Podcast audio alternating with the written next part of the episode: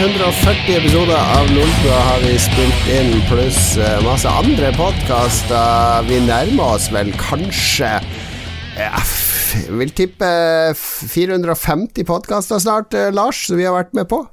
Ja, hvis du tar med spillrevyen og alt mulig annet, så er vi godt over det, tror jeg òg, faktisk. Så ja. 500 jeg tror jeg er over 500, faktisk. Hva er Guinness rekord eh, for å være med i mest podkastepisoder? Det må være sånn Mark Maron eller de der som lager, har laga hver uke i 15 år, liksom. Det, jeg sjekka det før vi starta. Det er han Carl Ramone. Han har vært med i tre milliarder podkaster fordi Såpass. han, eh, all lyd han lager, det gir han ut som podkast. Så bare en på ett sekund. Det er en fjert. Det er episode to. Vet du, Det er jo en del sånne på YouTube. Jeg har sett en sånn gammel mann som røyker pipe. Han har eh, sånn hundrevis av videoer på YouTube-kanalen som kun er fjeset hans og forskjellige piper hver gang som han sitter og røyker. Han sier ingenting. Han røyker en pipe i et par minutter i hver video. Ok, ja vel. Er det en podkast hvis du ikke prater, hvis du bare røyker? Nei, men jeg tenker Er det Går han for Guinness rekord eh, i å røyke pipe på YouTube, liksom? Er det For, for det, eh, husker da jeg var liten, så Guinness rekordbok vi, eh, Mats, vi kan ta deg med òg i samtalen, så du slipper å sitte i hjørnet helt stille. Er Mats er med. Jeg venter på introen min. Men husker dere da vi var kom. små? Ja. Guinness rekordbok var jo veldig kult. Altså, husker jeg bladde igjen. Så høy mann, og noen som har gått så langt og kan løpe så fort. Altså Nå i dag så føler jeg det er litt sånn utvanna. Det er sånn eh, verdens største vaffel. Eh, ja vel. Det er, vel, det, er jo, det er jo sånn oppkonstruert rekord, liksom. Vi, vi bare bygger et gigantisk vaffeljern sånn at vi kommer i Guinness Men jeg, jeg tror også Guinness rekordbok har havna litt i, eh, i samme grøft som leksikon. Det er liksom, de er bare ikke relevant lenger. Ja, og de fikk vel aldri noen sånn nettløsning. Det er ikke så gøy å sitte og klikke Jo, det er jo gøy å sitte og klikke på nettet og se på rare ting, men Guinness rekordbok tok aldri eierskap over å ha det rare og det kuriøse på nettet. Nei, men jeg vet at de fortsatt har sånne teams som reiser rundt og verifiserer rekorder og sånn, så det, det må jo være et eller annet som holder liv i dem.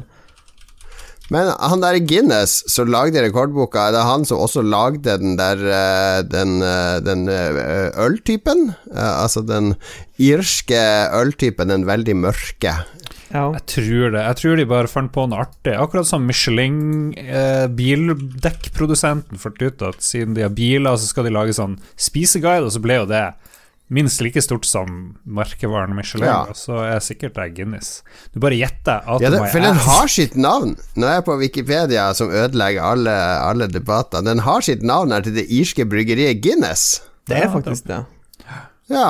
De drev sikkert og var full. Hvem kan drikke øl fortest? Og så begynte det der. Hvem kan kaste dart i rumpa på Carl? Og så beste det Det var en ny rekord. Det veldig irske navnet Carl. Han Hugh Beaver, som var administrerende direktør i bryggeriet Guinness, han innså uh, Det var en debatt som hadde foregått der de ikke fant svaret i puben, og så innså han at eh, de diskuterte hvilken fugl som fløy raskest, og da skjønte han at hei, her er det marked for en bok med alle mulige rekorder som man kan ha i alle puber i hele verden, så man kan ha noe å snakke om, eller finne løsninger på, på diskusjoner. Snakk om podkaster. Record of the Day-podkasten lager Guinness World Record. Så der kan du høre om uh, First Mother and Son to row an ocean. First person hit by space junk. Det er, det er en sånn tåpelig rekord. First mother and son. Der finnes det vel også en first mother and daughter to row an ocean. First mother and stepson to row an ocean. First uh, grandmother and grandson to row det, det er så dumt. Det er så dumt med sånne rekorder. Sånn ultra, ultraspesifikke rekorder. Longest time spent with the head covered in bees. Nettopp. Hvilken rekord, eh, Lars og Mats, nå skal vi få velge én rekord hver, som vi faktisk tror vi kunne fått inn i Guinness, eh, noe som vi er oppriktig best i verden på. Eller hva, hva, hva kunne vi fått inn hver for oss? Mm, jeg kan samle på tånegler. Tror dere det er gjort? Ja, Altså, det, den, den pose, tror jeg liksom. du skal klare å få inn. Blir du en tånegle-Lars i Ja, ja, Harstad? ja, med- eh, Kjelleren bygges om til tåneglemuseet ditt. Ja, jeg er med på det. Ja, Mats, har du noe meritt du tror du kunne fått inn? Uh, ja, det er sikkert et eller annet. mest uh, Mest Brukt mest eh, Høyest prosentandel av lønninga på teite ting. Noe sånt. Ja, den er ikke så dum. Den er ikke så Ja. jeg, jeg tror jeg går for den der uh, ikke forlate huset under pandemi. Eh, jeg, jeg er sånn ute én gang i uka. Det er ganske trist, men uh, det er noe sånn det er. Apropos pandemi, folkens. Jeg begynner å, jeg begynner å bli lei igjen. Det går i Er bølger. Ja, det går i bølger. Og nå, etter liksom å ha satt meg inn i, i uh, vaksineopplegget, så ser jeg jo at det, det, det går bare Jeg har ikke satt eh, meg inn, jeg er jo ikke noen ekspert, men jeg har ingen tro på Du var litt skuffa over Nord-Norge-vaksina? Ja, ja. Den er bare sånn 60% effektiv, muligens. Den som skal opp hit, til Harstad i hvert fall. Vi, Plutselig vi kom får det nyhet. B-vaksine her oppe. Ja, Vi får sånn drittvaksine. Eh, Moderna, Moderna-vaksinen Den skal bare være sørpå, var det noen i helsevesenet her som sa. Jeg har ikke sjekka noe av det her, men det høres jo ikke bra ut. For den er jo litt som den der Pfizer-greia, at det er 90 eller et eller annet sånt. Og det er jo bra. Den, den dere får tåle litt høyere temperaturer, har jeg skjønt. Det, Ja. det er vel kanskje der litt av problemet ligger, at dere skal jo bo så faen langt ute i gokk at det tar jo timevis å frakte ting der, og kan ikke drive og frakte ting i minus 70 eh, helt fram til dere, så da må dere få noe som er tåler litt eh, lengre frakt og, og, og høyere Det er egentlig et plott for å avfolke Nord-Norge, sånn at søringene skal komme og, og rane husene Ja, våre. vet, vet du, Lars, det klarer dere helt fint sjøl, for det er verken du eller Mats har produsert en eneste unge. Så hvis du er så opptatt av eh, å ikke avfolke Nord-Norge, så er det bare å begynne å eh, Jeg sier det rett ut knulle. Ja, ja. Nei, det, du har et godt poeng. Vi avfolker oss sjøl, og så flytter veldig mange til Oslo og sånn, så det er jo bare en sånn Ja, det som skjer når man får unger, er at de begynner å studere på Universitetet i Oslo, ja. og så skal de bli Ja. Eller no, noen drar til Tromsø, noen drar til Trondheim, men de færreste blir i Harstad. Kanskje du kan starte en kampanje for å få Sofie Elise til å flytte tilbake til Harstad. Hun har jo okay, nei, stor påvirkningskraft. Kanskje hun kan få masse ungdom til å flytte Er- er- til Harstad. jeg har løsninga. Jeg og Lars vi kjøper oss en van, og så kjører vi rundt på Østlandet og kidnapper unger, og så moser vi opp til Nord-Norge. Jesus Christ, hvordan kom vi hit? Nei, altså, vi må forflytte ungene opp til Nord-Norge og, og tvang, gjøre dem om til nordlendinger. Med Ja, tvang. nå er, det, nå er vi inne i farlig Fordi på skolen i vårt nærområde så har vi fått meld, fikk vi melding forrige uke om at det er en hvit varebil som syv ganger har prøvd å lokke unger med seg Gud, inn her okay, i Nordstrandsområdet. Så nå eh, det, det var en uheldig timing her, da, Mats. Er du i Harstad da, er, eller er det en sånn green screen bak deg? Location secret. Ok.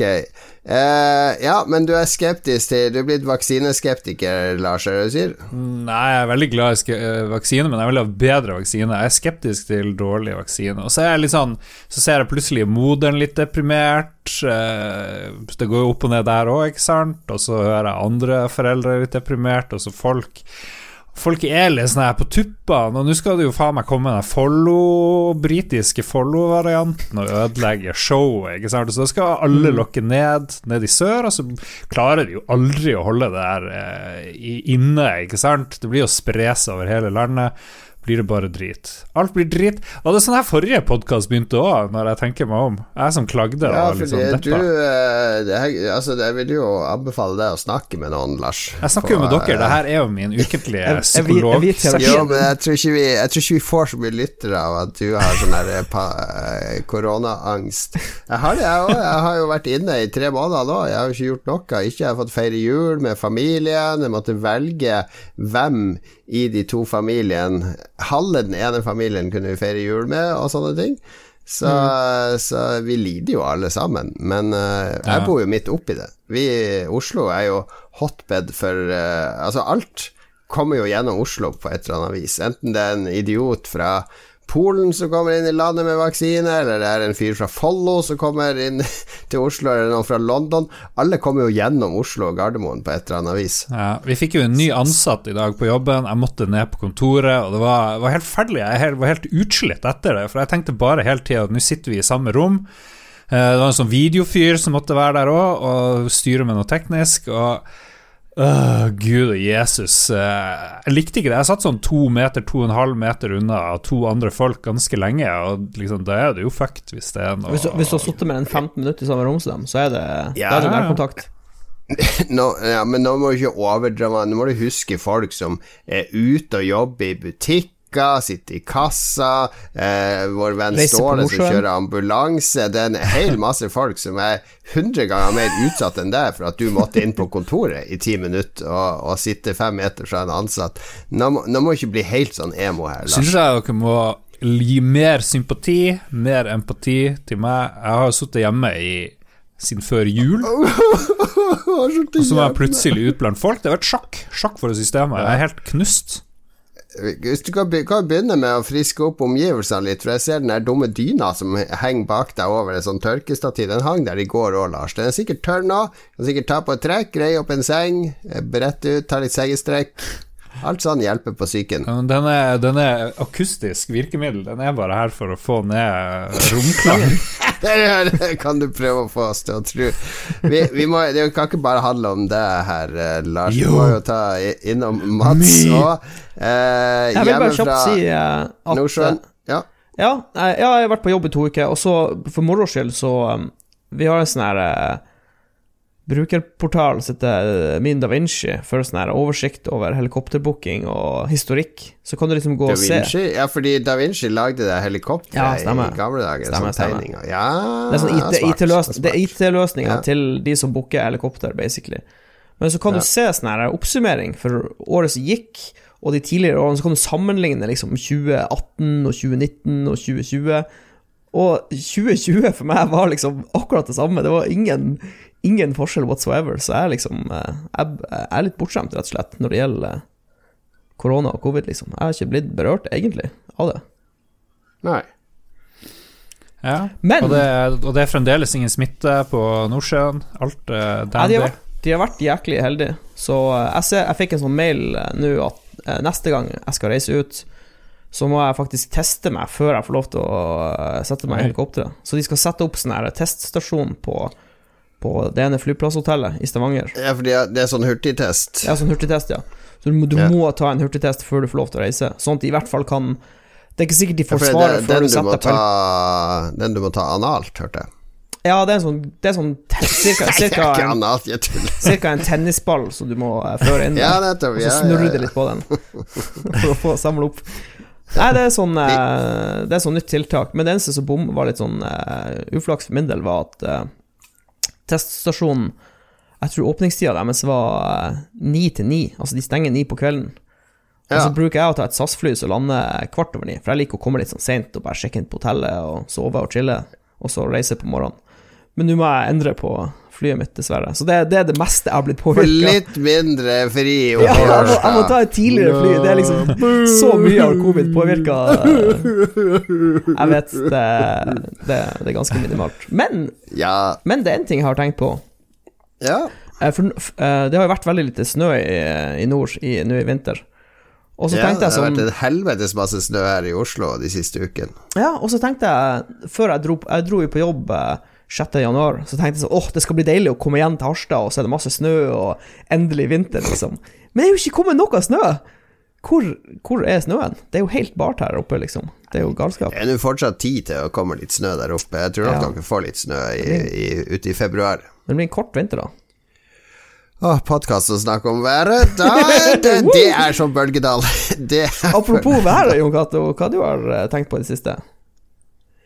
Eh, veldig god Segway, veldig god Segway. Nei, vi holder oss jo inne for det meste, og så Ja, apropos den teststasjonen, må jeg nevne, fordi eh, eh, Mortensrud er jo rett attmed her jeg bor, ikke sant, og så er jo Nordre Follo rett der. Jeg er bare Hold deg fast, Lars. Jeg er bare sånn fire kilometer fra Nordre Follo her jeg sitter nå.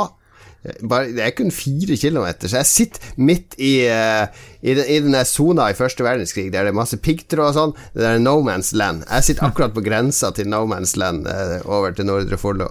Men det jeg hørte nå, var jo uh, For jeg har jo HR-ansvar på, på jobben min, så eh, kom noen sånne føringer da med folk som jobber i Nordre Follo. De skal jo selvfølgelig aller, aller helst ha hjemmekontor, men hvis de må komme på jobb, så har de satt opp sånn teststasjon på grensa ute på Wow. Mortensrud. Så de må kjøre inn på den teststasjonen, ta sånn hurtigtest, vente der.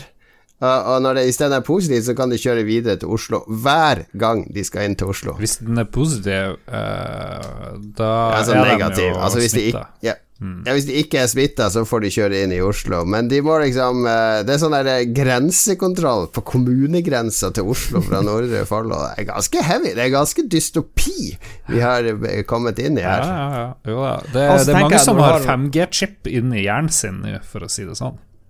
Ja, og så har vi jo, vi har jo heimevernssoldater som står langs grensa og sender bort eh, tyskere og svensker og ukrainere som prøver å komme Ja. seg inn uten dokumentasjon, liksom. Det, det er jo ganske eh, dystopi på G, vil jeg si. Sivilforsvar Og nå- er engasjert. Og, Hører jeg et helikopter over huset her. Nå er det noen som prøver å snike seg inn fra Follo. Å, nå skytes det! Oi, oi, oi! å. Nei, det var bare helikopter. Men ja, eh, været eh, Det var jo masse, masse snø, og så ble det ganske mildt på fredag. Eh, og da fikk vi også besøk av eh, min nevø på tolv år fra Fredrikstad, for det her var jo rett før de annonserte Nå er det ikke lov å krysse kommune og sånn, så han, han var på overnattingsbesøk her i helga. Eh, men han kom før disse reglene, så da ok, du får bare bli over helga, da. Så, så får, sendte han, eh, kjørte han til grensa på Nordre Follo, og så slapp han av på søndag så, med et gevær, så han kunne komme seg gjennom Nordre Follo tilbake til Fredrikstad. det, nye, det nye været er jo korona, Fordi før hadde alle det til felles. Været påvirker alle, men nå er det korona. Så nå prater folk om korona i stedet for været, Ja. tror jeg. Ja, når du står opp nå, så sjekker du værmeldinga, koronatallene. Eh, men ja, eh, så ble det ganske mildt i helga, og så Alt var jo stengt. Alle museum, vanligvis vi drar på teknisk museum, eller vi kan dra eh, på galleri og sånne ting. Det liker vi å gjøre med ungene.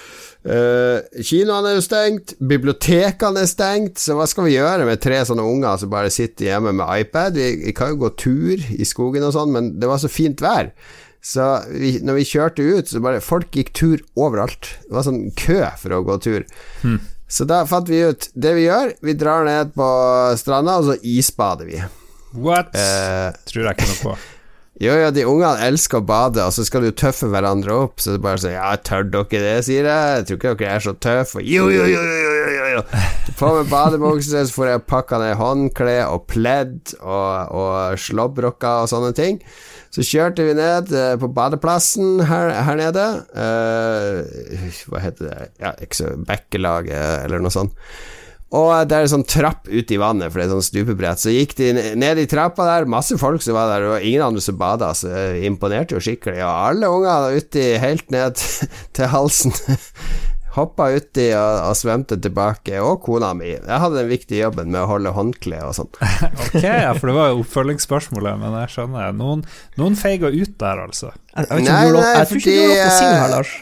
Abs jeg venter jo Jeg venter jo med å bade til Lars har gjort det, fordi du skylder et bad til Jeg, jeg Lolbua-lytterne. bada i sommer, må dere huske. Nei, hvor er videoen? Hvor er beviset? Jeg tror det ble delt uh, flittig på sosiale Husker du medier. den promovideoen jeg lagde der jeg hoppa i vannet ute på hytta på Vestlandet? Du, yes, det skal jeg følge opp! Dette var bra! Nå har vi momentum. Stille. Helt stille etter. Momentum, fikk vi momentum? Ja, okay. Ja, vi fikk momentum. Vi fikk masse nye patrions av det klippet. Vi gjorde det jo til en reklame, ikke sant? Det skulle du følge opp, så vi skulle få enda flere, men nei da. Hva med isbading? Ja, det her maste vi om i fjor òg. Nå går vi på repetisjon. Glem det. Isbading, Mats savner snøen, eh, Lars er lei av korona. Velkommen i klubben, Mr. Captain Obvious.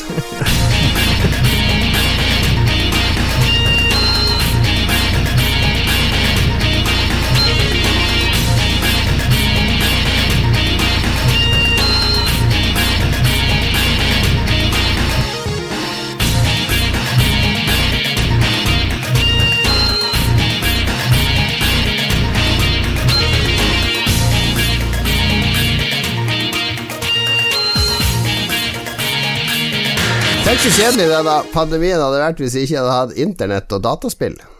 Vet du hva, jeg tror det hadde vært sånn her eh, Jeg tror det hadde vært eh, mye vold hjemme. Jeg tror det hadde vært dårlige Du tror du hadde sittet hjemme og selvskada deg? i Ja, altså, jeg tror, altså, det hadde vært kjipt. Du hadde jo hatt bøker, da, men jeg ser for meg at det hadde blitt utrolig ensformig å sitte tolv måneder og bare lest bøker, liksom. Jeg vet ikke. Kabal tror jeg hadde vært stort. Kabal. Ja. ja. vi kan ikke møte I Oslo kan vi ikke møtes for å spille brettspill heller, så Jeg, er veld, jeg er veldig glad for internett, må jeg innrømme. At Ja. det finnes.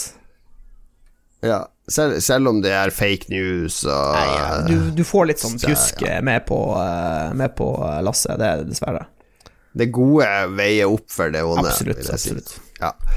For vi spiller jo spill, og det er mange som spiller spill i pandemien. Dataspill har vel aldri vært så populært som det er nå, eller så viktig som det er nå. Jeg tror den flukten mange får i dataspillene, uh, har blitt uh, kjempeviktig, rett og slett. Uh, og jeg har prøvd en av de ultimate fluktene uh, sist uke. Fordi endelig så har jeg fått uh, Fikk tak i en sånn HP Reverb G2 eh, Oh. virtual reality set som kom før jul. Eh, det har den høyeste oppløsninga til nå. Er noen kompromisser òg. Altså det er HP som har laga en versjon 2 av sitt headset, eh, i samarbeid med Valve, som har hjulpet med linsene. Eh, og Microsoft, fordi det, det bruker Altså Microsoft Windows har litt sånn kjipt system som heter Windows Mixed Reality, som er et sånt VR-system som egentlig ingen liker. Så du må liksom eh, Hvis du skal bruke SteamVR, så er det en sånn der mellom, klient mellom det og SteamVR. Det ikke, det er ikke et SteamVR-headset, og det er ikke et Oculus-headset. Det er liksom tredjeplassen blant headsetene. Eh, men eh, teknisk så er det et suverent bra headset. eh, I hvert fall oppløsningsmessig. Jeg har aldri sett så bra bilde i et headset. Det er virkelig sånn at du kan lese ting uten at du må drive og skule og lene deg helt inn til alle instrumentpaneler og sånn. Så jeg fyrte jo selvfølgelig opp eh, flight, sim flight simulator i, i VR. Det har jeg gleda meg masse til å teste. Det er jo helt amazing med sånn ultra widescreen, men det blir noe helt annet igjen i VR. Jeg drev og fløy i Sør-Spania, drev og fløy i Nord-Norge, fløy bort i USA. Og det flyet sånne småfly med ganske sånn åpen glasscockpit, og bare kunne lene deg hit og dit og se alt. Alle veier. Den tilstedeværelsen er helt Det er helt magisk. Men det, det er ikke veldig godt optimalisert spill. Det bruker ikke DX12, for eksempel. Så, så det er litt sånn uh, uoptimalisert, men uh, det er triks for å tune inn og stille inn ting på nettet. De viktigste tingene du trenger når du er pilot, og de uviktige tingene som du ikke trenger. Altså, du bør jo ha lang sikt og, og alt sånn. Og det flyter bra. Det flyter Jeg kan ikke klage i det hele tatt. Nei, det, det var deilig. Magisk. Har du, har du prøvd noen andre spill med det nye VR-headsetet, eller? Eh, Det ble egentlig bare det. Eh, Jeg skal spille Half-Life Alex, men det er, det er litt sånn tiltak, for da må jeg, da må jeg skyve bort den sofaen du ser bak her. Den skal, må jeg skyve bort i hjørnet, for da må jeg ha litt sånn der eh, spillområde der jeg kan Ja, bevege ja. meg. Det er det som er så fint med må- flysimulatorer, for da kan du bare sitte i stolen og Som du gjør i et cockpit. Ja, det, det er jo det. Så for jeg merker sånn mentalt så er det litt sånn der uh, Vil jeg faktisk stå her med det headsetet på? Du må når jeg prøve, du må prøve Elite. Det er jo òg bra. Ja, ja, ja. Den, den uh, skal jeg prøve. Og så Eurotruck Simulator står selvfølgelig på lista. Hvordan er det med, med knapper og taster og alt det der når du er i VR? Og så Nå skal jeg ta ut landingshjulene, og det er jo sykt mye greier i flight simulator. Det er derfor det er best å ha i eh, hvis, Det er jo noen stikker du kan ha som er én til én, på en måte. At den Ja. stikka du har i virkeligheten, er den stikka du ser inne i spillet. Og da, da er det jo ikke noe problem. Men det blir jo Det, verre hvis det jeg gjør i, i Flight Simulator, er at jeg, var, jeg er jo så heldig at jeg har jo et bra ratt, eh, som flyratt. Eh, det Honeycomb-rattet, og så har jeg Logitech sin throttle, og så har jeg også Thrustmaster, som har sånn Airbus-spake og throttle. Så jeg stiller jo opp i henhold til åssen flyet er. Så hvis det er et småfly med spake og throttle, så putter jeg de på rett side og sånn. Så når jeg flyr og sitter i cockpiten, så, så har jeg tingene der jeg trenger de. Eh, og så er det jo også sånn ja. ja, men hvis jeg trenger ratt og mer instrumenter, så bare rigger jeg til, så at det blir sånn én til én med hvordan det ser ut Mm. i flyet. Ok, Jeg tror, lurer på alle flyfantaster blir å reagere på at du sa flyratt. Jeg vet ikke, er det, eksisterer det? Det heter yoke, eller det heter sikkert noe sånt yoke, Gud vet. Yoke er et artig ord. som i egg. Eggeplomme. Da tar vi musikk. Ta musikk nå, ditt fjott. Men nei, det var VR. Jeg gleder meg. VR har har vært bra medisin mot korona, fordi det er virkelig eh, Det der med at du ikke får reise noe sted Jeg får faktisk reise noe sted, og nå føler jeg at jeg er i det flyet òg, på en helt annen måte. Jeg føler den, ja. den personen som klarer å lage et spill hvor du kan reise på en digital ferie med VR, han blir å tjene noen penger med sånn skikkelig ultrarealistiske lokasjoner.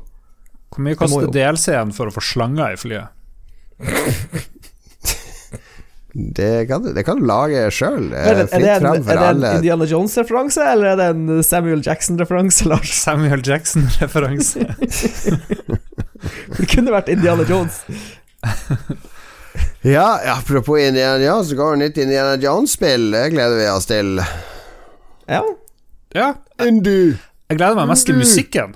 Du, du, du, du, du, du, du. Det er lenge siden jeg har hørt det på spill. Når var det Indiana Jones-spill sist? Det har gått veldig lang tid. Ja, Ja. han er jo Han er jo avdanka gamling nå. Husker jeg så et eh, Atari ST-spill, tror jeg, hos et søskenbarn på 80 Rundt 90-tallet. Det var Indiana Jones. Fant det aldri på Amiga. Sant? Eh, Det så ikke så veldig bra ut, men eh, det var jo Indiana Jones, og det er jo tøft. Det var noen som hadde et godt poeng med, apropos det nye indie-spillet, at uh, det blir litt Det blir hardt hvis de skal bruke den der gam, gammelmannsstemmen til han Harrison Ford. Den der Den er jo liksom den, Han høres ikke ut som, uh, som unge indie Ja. lenger. Men de har jo hatt masse Indiana Jones-spill, bare at de het Uncharted og hadde en litt mindre sjarmerende uh, Ja, det er sant. Han Nathan Drake og uh, Ja. Tomb Raider.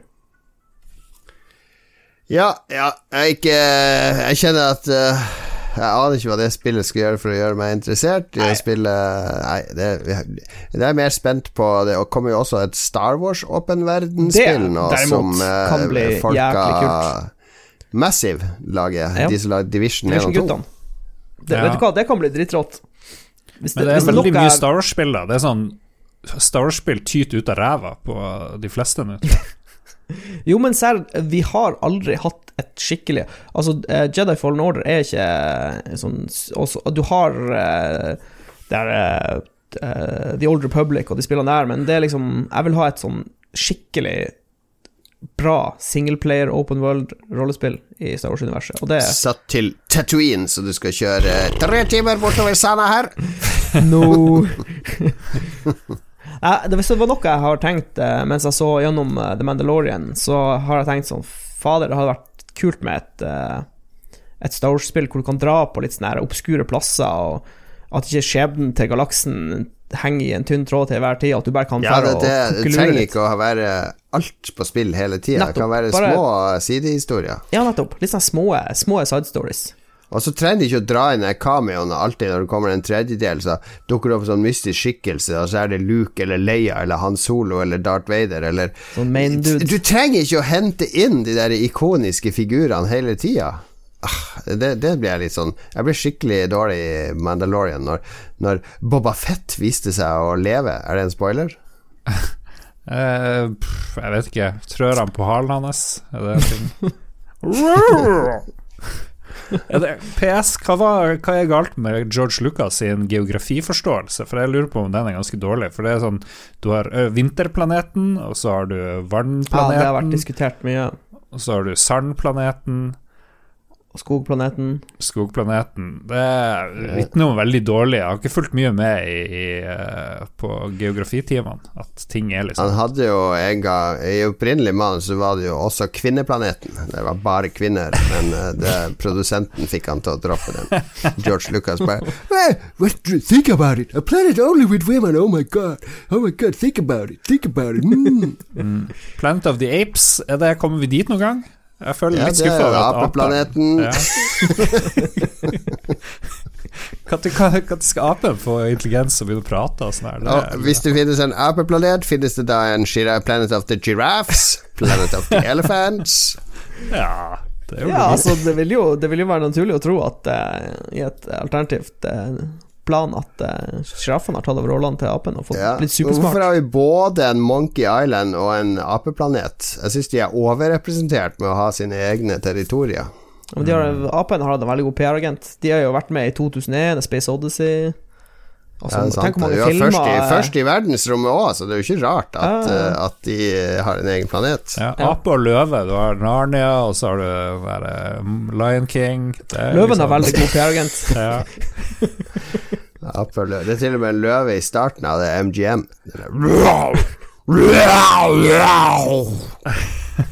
Veldig fin eh, løve. Ja, det var jo pretty Impression. spot on. Hvem slapp en løve i studio? I Roffelbua syns jeg vi skal alle skal lage hver sin video der vi er den løva. Så kan vi ha det som sånn introfilm. Ja. Ok, er nok brainstorming og nok Star Wars. Det er ikke det vi skulle snakke om i det hele tatt. Uh, Lars, uh, Mats, du er eh, akkurat som meg ganske hekta på Tarkov. ja, jeg må innrømme jeg har vært veldig enspora i det siste. Jeg er blitt, veldig hekta, kan vi trygt si. Uh, Vi snakker om Escape from Tarkov, Escape from russiske spillet. I det, Mats! Hadde det funka med et Star Wars-crossover til Escape from Tarkov? Altså Escape from Tatooine? Escape from Endor. From, uh, Escape from Endor-spill uh, der uh, du, du må scavenge, finne de, deler av Stormtrooper-rustninga, Boba Fett-rustning, Star Wars-våpen, mot det- det- det- det- Altså, det, det er et Star Wars-spill jeg har lyst på. Om nødvendigvis ikke Escape from Tarkov. Tenk deg litt sånn stalker-aktig Star Wars-spill, Mm. som first person shooter, hvor du går rundt og scavenger og du er, bare, du er bare en sånn skikkelig trasig, ubetydelig fyr, liksom, som bare prøver å klare seg. Plutselig kommer det en wookie bare river av armene, liksom. Det, det hadde Ja, ja, fungert! ja. Det hadde fungert. Ja, Absolutt. Ja. den nerven. Ja. Men Tarkov, hva, Ja. er- hva, hva skjer der? Nei, altså um, det, det, det spilles. Uh, og jeg må bare um, Vi har jo snakka litt om det. det. Det er jo det her eh, brutale russiske overlevelses-slash uh, Det er jo snakk om hver episode i de Ja, siste ja, to to Men, men det, månedene. jeg, vil, jeg vil berømme uh, Battlestate Games med det der task-systemet, for det, det er de er veldig flinke i å holde deg gående i spillet, for du har liksom alltid noen sånne eh, små oppgaver å gjøre som gir deg et lite sånn mål inn i rundene. Og det, ja, altså det, Jeg føler uten det task-systemet så hadde spillet ikke hatt den der eh, lange levetida det har, på en måte. Så, ja, det hadde ja. jo bare vært camping og, Mm. og, og deathmatch, liksom. Gå inn og prøve å drepe noen andre Vi spillere trenger, og ikke- vi komme trenger ikke å snakke ut. så forbanna mye om det, men jeg vil bare si at eh, faen, det er et kult spill. Ja. Er det, det er jo Ja. russisk spill. Er det mye polonium? Er det noe særlig politiske protester som må slås hardt ned på? Eh, palasset Det- til Putin der? Palasset til Putin er ikke der. Nei, det er en del artige referanser i det spillet, da. Ja. Okay. Til andre spill og sånn. Ok. Eh, apropos virkelighetsflukt, så har jeg jo spilt Stardew Valley, som jeg ble minnet på, fordi senere i dag skal vi jo snakke om eh, Forager, som vi har hatt i spillklubben nå en uke, og da fikk jeg veldig lyst til å spille mer Stardew Valley, for det, det er jo det, De henger litt i hop, de der spillene. Det er mye crafting og hogge trær og sånt. Og så, så liker jeg Jeg liker tempoet i Stardew Valley. Det, det, det veldig rolig og fredelig, og det er noe, det er ikke noe som stresser deg. Sesongene går, det er 28 dager i, på høsten, sommeren, vinteren og våren, og så får du nye planter du kan plante, og så får du kjøpe deg en kylling, og så må du bære høy til den der kyllingen, og, må lage, kan fære i mine og hente litt kobber og sånt, og så er det noen som har bursdag, så tenker du ja, i dag skal jeg gå og glede noen, så finner jeg en gave jeg tror de blir å like, og så, blir de, så får jeg kanskje et halvt hjerte tilbake, og så blir vi bedre venner, og så kan jeg vel gifte meg eller få kjæreste og sånt etter hvert. Jeg vet ikke om du kan få barn, det, det, det er der jeg skal få barn, leve ut familiedrømmen. Men, eh, men det er kanskje det koseligste spillet jeg har spilt noen gang, tror jeg. Er dere fans? Ja, jeg liker det. Det er jo, er jo en av disse indie-storyene med sånn one man developer som holdt på i seks år og nesten gikk under.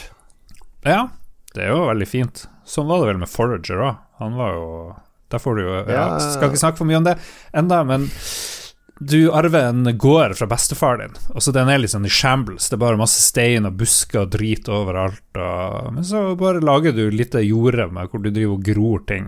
Og så må du vanne det hver dag og passe på. Og kan du gå rundt og finne ting som vokser, og snakke med landsbybeboerne. Og så er det litt sånn festival av og til hvor de skal danse og sånn. Og hvis du er god nok venn med noen, så får du lov å danse med dem. Men hvis ikke, jeg drev og var alene hele festen, eh, men koste meg likevel. Du bare Story of my life. Ja, fin Ja. musikk og Nei, det er, åh, det er så flott. Alt er bra med det spillet der.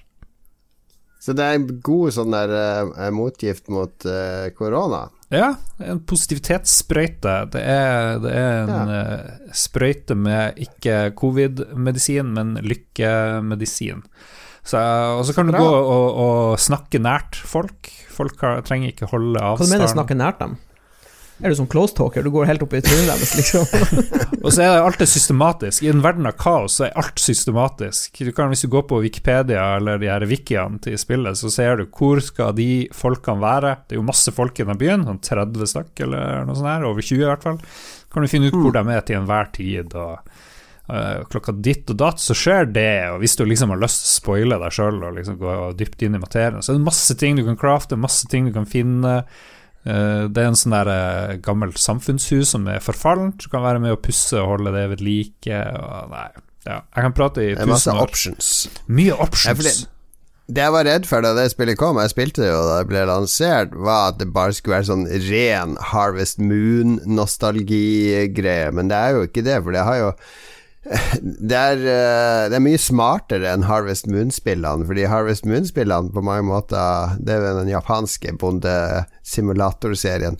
Har på en måte gått seg vill i sine egne konvensjoner, så de har liksom stagnert. Mens det her tar alt det beste fra Harvest Moon, og så bare gir det en vitamininnsprøyting med en mye mer sånn åpen verden, og mye mer sånn valgfrihet til hva du, hva du kan gjøre. Mm. Og litt sånn Noen er sur, noen er blid, noen er veldig rar. Det er, alle har sin personlighet, liksom. Og så kan du bli kjent med folk. Ja. Og det er så mye rart. Det er så mye rart. Det er søtt. Du har ikke spilt det her, Mats? Står du veldig? Mm. Ja, det er på um, jeg, jeg spilte bitte, bitte, bitte litt, men jeg har ikke kommet inn i det, liksom. Så det, det er på lista. Den evig lange lista over ting jeg håper jeg. Jeg, jeg, jeg er veldig avhengig av at han Elon Musk eller noen lager noen sånne time dilation-greier, sånn at jeg kan uh, bruke 100 timer i døgnet i stedet for 24 timer i døgnet på ting. Så jeg, jeg, jeg er litt avhengig av future tech for å komme overalt. Komme overalt. Er Men eldes, eldes hjernen din hvis det går 100 timer på én dag, så plutselig er du 100 år i hjernen, men så er kroppen din bare 20 år, liksom. Siste observasjon, Lars, for du posta et skjermbilde fra du drev og spilte Stardew Valley. Så så jeg at du hadde Navnet ditt i spillet var navnet til kjæresten din. Ja, jeg lagde fordi hennes foreldre, eller hennes mor, var vokst opp på en gård, så jeg oppkalte den gården da etter eh, det stedet hvor, hvor familien hennes kom fra. Jeg syns det var litt artig. Jeg har liksom aldri hatt noe nærkontakt med gård, bortsett fra at mine besteforeldre i Harstad De drev en slags gård, de drev mink og rev og sånt som i dag anses som forkastelig, liksom. Men uh, det, alle dyrene var borte da jeg ble voksen. Da var det bare sånne tomme skur. Forfallent. Uh, Så ja, jeg kunne kalt det Kassfjord òg, den der gården. Men uh, ja, ja. Så jeg tenker Men at er, er det sånn at når du er en kvinnelig karakter i et spill, og du får velge navn, så velger du navnet til kjæresten din? Nei, det, Altså det har bare skjedd nå. se, se så mye jeg tenker på deg. Se her. Bare, bare, jeg tenker alltid på deg. Det er du. Det er du. Hva- Ja, men jeg har kalt opp kyllingen etter kompiser. Jeg har han Bengt, jeg har han Marius. Jeg har liksom forskjellig. Men så er jeg litt redd for at jeg skal spise dem etter Er meg og Mats med? Hva er vi Jeg noe? får ikke vi lov til å være dyr? Jo, men jeg tenker dere kan få lov til å være sånn hest eller et eller Ja, jeg vil, ja, jeg vil gjerne være en hest. Ja, ja. Ja. Ku skal jeg planlegge, og ku En, maj en majestetisk hingst. Yes. Er Harstad Stallion. All right. Stardew Valley, Flight Simulator. Nytt liv i VR, men eh, du må ha monstermaskin for å få det til å kjøre bra, og tvike og styre. Det er litt styr med VR, fordi det er liksom Det er én ting du har PC og driver og tviker og får ting til å flyte bra på en vanlig skjerm, men, men når du tar VR i tillegg, så får du bare sånn enda en dimensjon med ting som kanskje ikke snakker helt 100 Ja, ja, ja. med hverandre, så det er ikke plug and play ennå, det er PC-VR-en.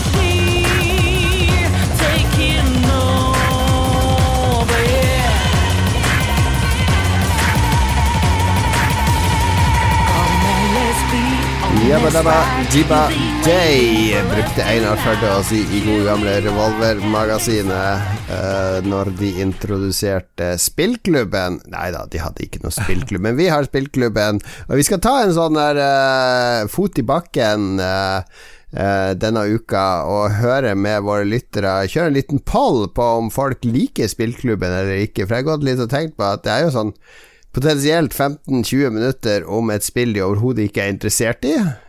Kanskje har de vett til å spole over det, eller kanskje hopper de av hele podkasten. Hva tenker du, Lars? Uh, beklager. Å, slutt da å sitte med den mobilen! Gi oss én time av ditt liv i uka! Er det for mye forlangt? Jeg håpet at du ikke skulle snakke til meg akkurat nå.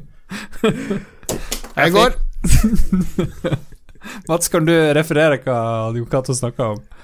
Nei, han uh, lurer på om, uh, om spillklubben er en god idé. Altså, Potensielt potensielt bruker vi 15-20 minutter å snakke om et spill som kanskje ikke noen bryr seg om. Hva, hva, Hvordan syns du spillklubben har fungert så langt, Lars? Nei, uh, nei Jon Cato. Jeg sy- syns det fungerer kjempebra. Jeg får jo spilt masse spill jeg ellers aldri ville spilt. Tenker jeg at kanskje en uke er litt for lite til vårt travle liv. Men Ja, jeg tror ikke jeg hadde fått spilt så mye mer hvis det var hver annen uke. Hvis jeg kan komme med innspill, så, så er det akkurat det, det med uke til uke. Kanskje vi kan vurdere å kjøre sånn toukers uh, I hvert fall på noen spill som, som er mer enn 90 minutter, liksom, å, å komme seg gjennom. Så kanskje vi kan vurdere, vurdere to uker. Ja, det jeg frykter er at da vil jeg uansett bare begynne å spille et par dager før vi skal spille inn podkast. Ja. Men det her er jo ikke Ja, interessant for eh, lytterne, for så vidt. Nei, for jeg har, har, har noen spill jeg har tenkt på som er sånn her eh. Uh, som jeg har veldig lyst til å spille. Og da tenker jeg Da kan, kanskje vi kan vurdere spesialregler for spillklubben, da. Med at du kjører to uker i stedet for ei uke. Ja, nå var det jo ikke det her jeg spurte om i det hele tatt, men Nei, takk men vi- for at vi, vi- vi disse innspillene som vi egentlig skal snakke om utenom podkasten, Fordi nå gikk det bare på hva er våre personlige preferanser, og har vi tid til å spille Ja. der, og ja da, ja da, ja Ja, da. jeg har tid, jeg har tid. Ja, det går helt fint. Det jeg var ute etter, er om lytterne syns det er interessant. Fordi vi har engasjerte lyttere som er med og bidrar. Eh, Det, det er stort sett tre stykk. Vi har en ny en denne gangen.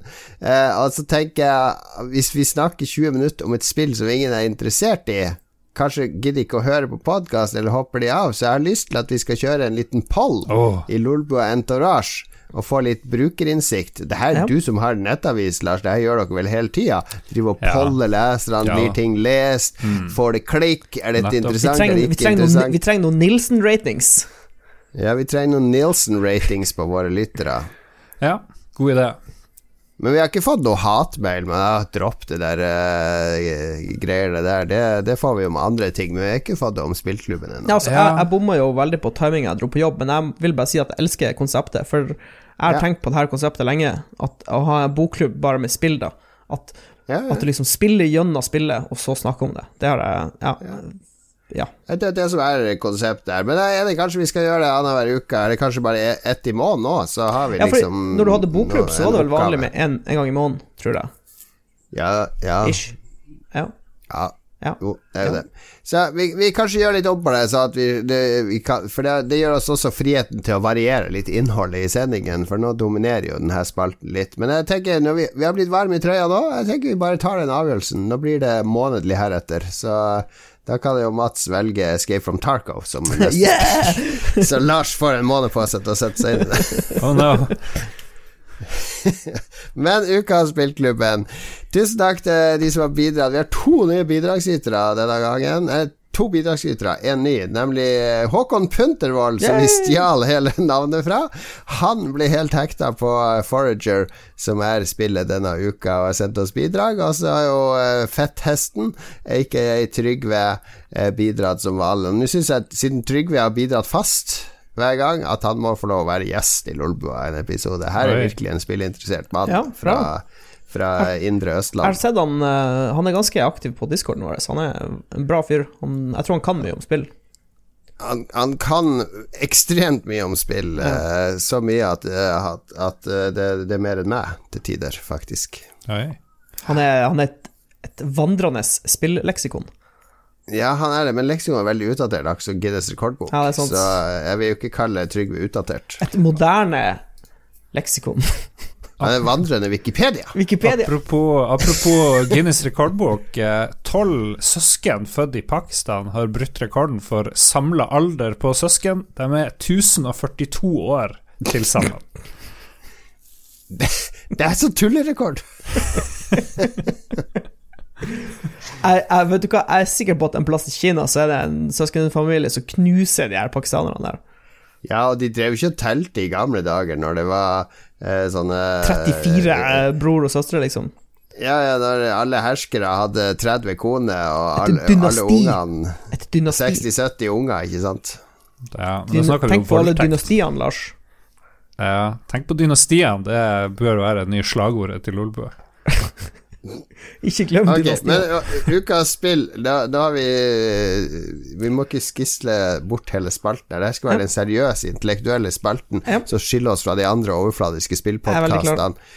Vi har spilt Forager denne uka. Et søtt, lite spill laga av en uh, mann som heter Mariano Cavalero.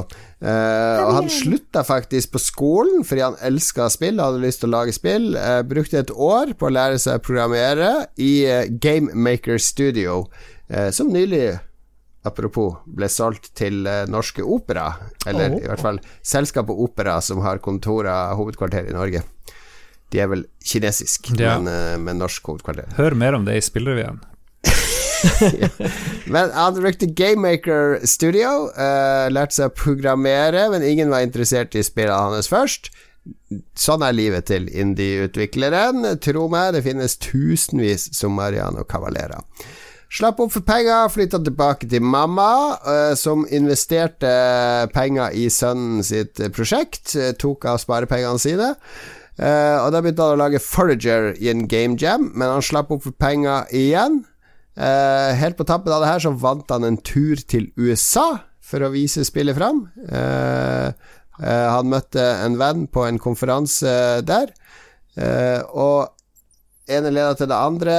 Humble Bundle tilbød han penger for å sluttføre spillet, og at de fikk gi det ut. Og noen måneder etter så hadde spillet solgt 600 000 enheter. Og jeg tror dette var et av de første spillene som Humble De har et sånn indie-fond, så de finansierer og publisher en del indie-spill. Uh, et av de første spillene de tok inn, eh, ble en fenomenal suksess. Så Mariano Cavalero har nok betalt tilbake alle pengene til sin mor nå, med dette søte lille Hva skal vi kalle det? Ressurssamlingsspill? Mm, Ja. Ja. Det Jeg vil jeg si en, eh, det er ikke lov å si brannfakkel, men jeg vil kalle det her et uh, ADHD-skapende stresspill som har null intellektuell interesse i det hele tatt. Ok, men Kan ikke du beskrive, eh, Mats, hva, hva er det du gjør i Forager? Ok, i Forager, du, du starter på ei bitte lita øy, og så styrer du en sånn liten, søt, spøkelsesaktig eh, fyr. Eh, og så kan du hogge ned trær, du kan knuse stein, du kan eh, samle blomster, og så skal du bare sakte, men sikkert uh, bygge, bygge deg opp.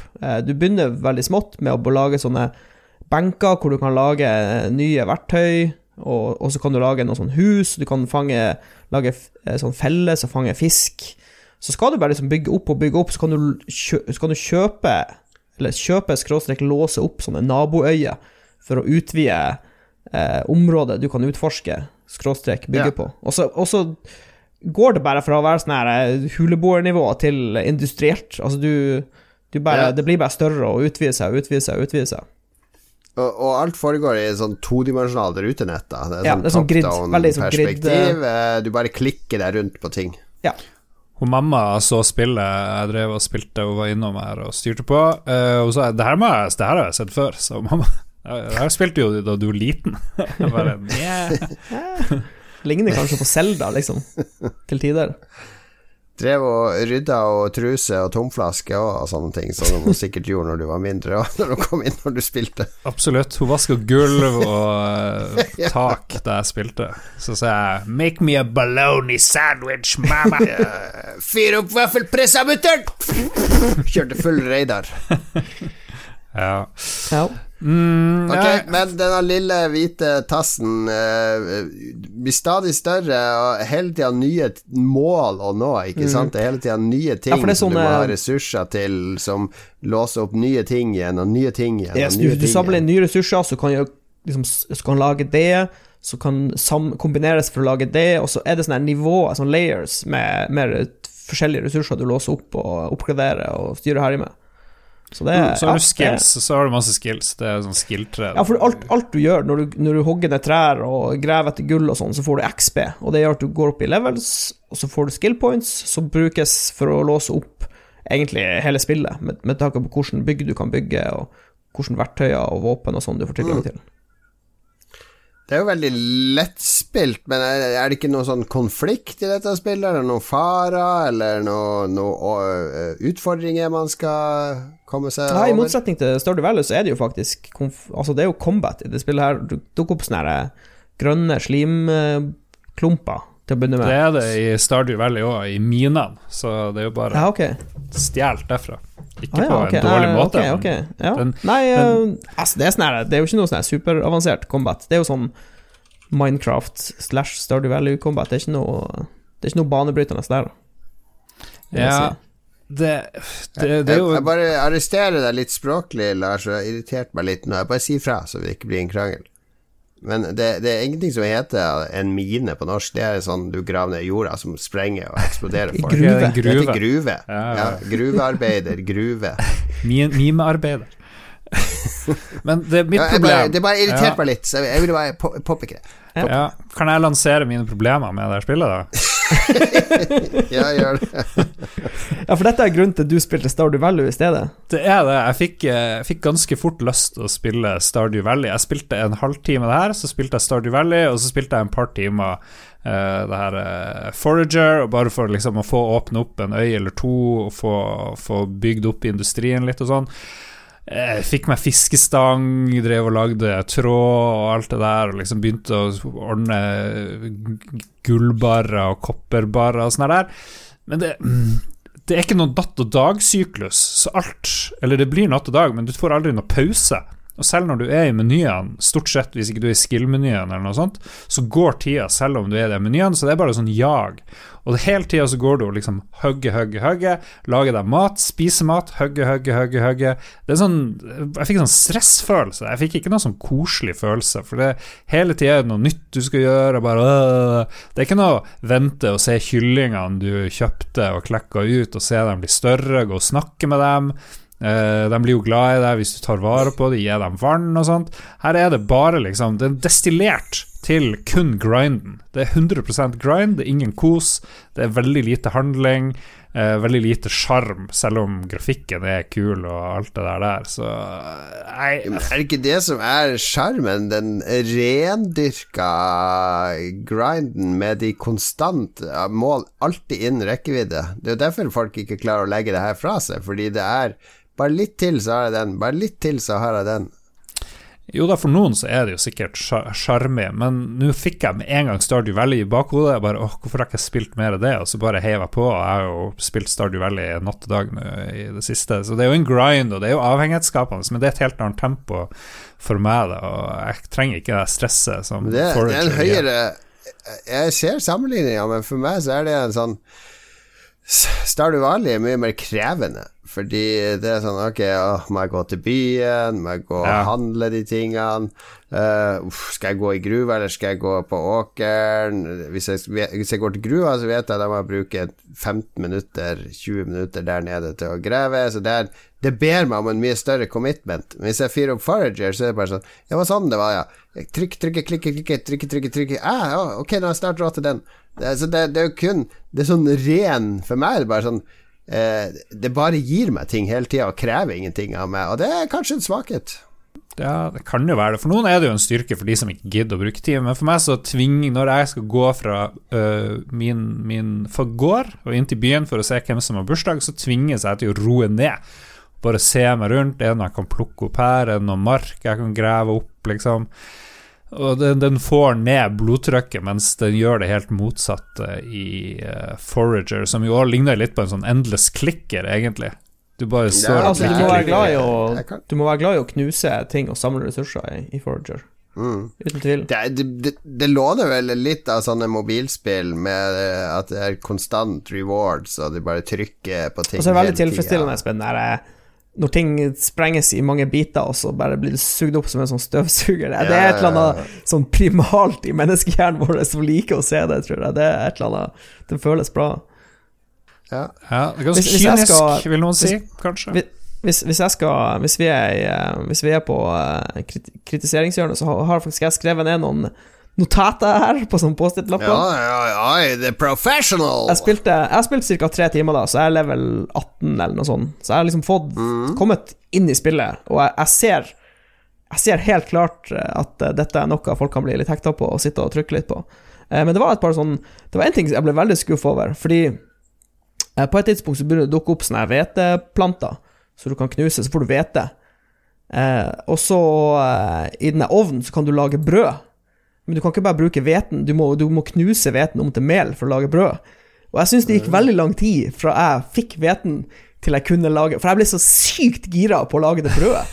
Men så, så kunne jeg ikke knuse hveten om til mel. Og så gikk det kjempelang tid, og så tenkte jeg sånn hva, er, hva i all verden er det jeg må få til for å få lov til å lage mel? Og så så jeg jo etter hvert at du kunne lage sånn vindmølle. Men jeg syns bare det var, det var så langt steg fra jeg får hvete, til jeg kunne lage meg de fine brødene mine. Så det er min store kritikk til Forager. Det var ingen uh, i option Det var ingen sånn der uh, glutenallergiker-option, sånn at du ikke får den hveten. Det stemmer det.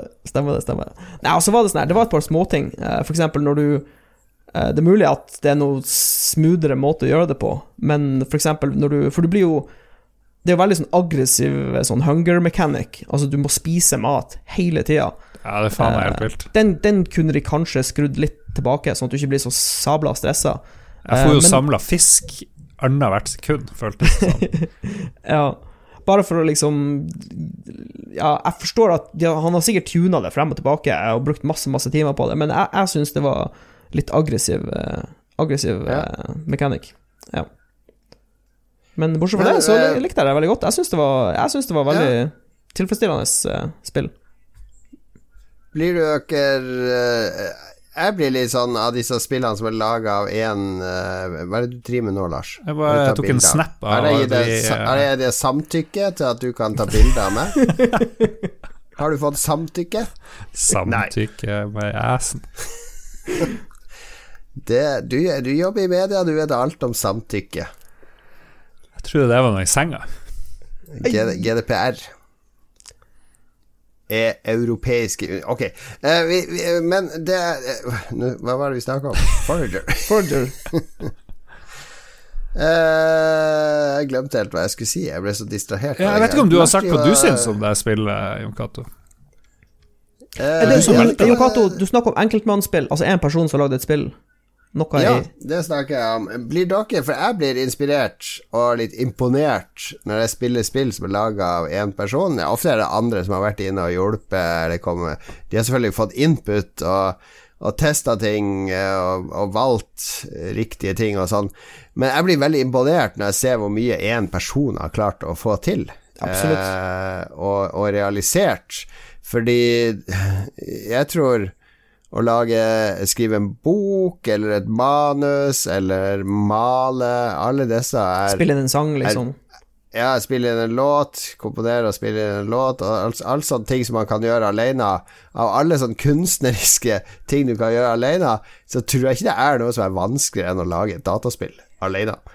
Nei, du må, du må uh, være multiartist, tror Ja, jeg. sier ikke at det er dritlett å male som Munch og sånne ting, herregud, du må være dritflink eh, kunstner, men det å lage spill, da må du jo sjonglere mange forskjellige typer eh, ferdigheter og artistiske ting, Eh, og, og du må lande det på en måte som engasjerer de du lager det for. Så det inspirerer meg veldig å spille sånne spill, nesten uansett om de er kjempebra eller ikke, men det jeg syns om Forager, er Altså, jeg synes det er helt fantastisk morsomt å spille det. Det, bare, det bare gjør meg så glad å løpe rundt på den øya. Og Lars føler det som stress, men jeg føler at det er et sånn deilig stress.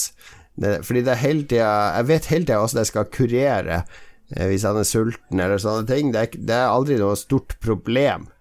Eh, det, det er aldri, altså, aldri altså, noe har- som stopper meg Og, og jo, mer, jo, mer du, jo mer du spiller, jo mer alternativer får du til å løse den hunger-mekanikken. For du får sånn her, du kan gå og plukke opp egg, du har fiske, Ja, ja, ja. du har sånn beats som driver og vokser overalt. Så det er, ikke, det er jo ikke et problem, egentlig. Det er kanskje litt aggressivt i starten, og så ordner det seg. Ja. Og, og i motsetning til spill som Tarkov, der jeg føler at annenhver time så blir jeg kanskje 0,1% bedre i spillet, så jeg føler jeg at her mestrer jeg ting hvert femte minutt. Så, så blir jeg en be bedre spiller og får mer kontroll og mer eh, redskaper og verktøy. Eh, Så det, det går så raskt, og det er sånn konstant lykkerus å få ting og bygge ting og knuse ting osv.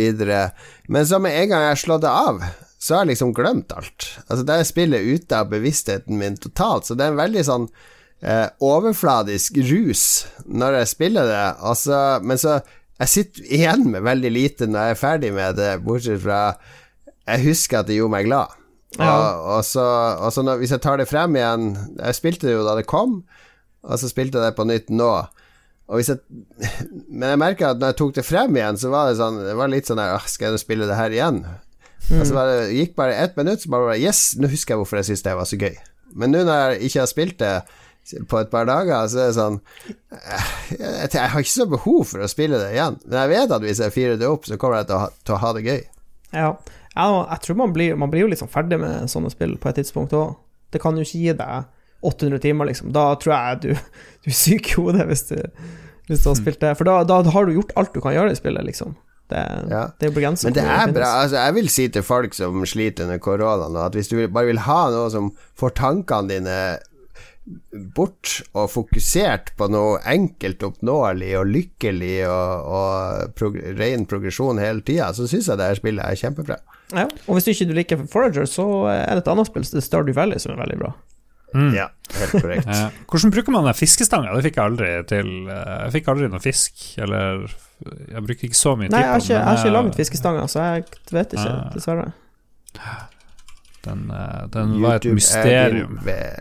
Det er jo et minigame i Det er sikkert ikke, ligner sikkert ikke Forager, men i Stardew Valley så er det jo veldig avslappende å kaste ut fiskestanger, vente Er det bedre enn fisking i World of Warcraft? er jo det store spørsmålet. Det er jo den ultimate testen.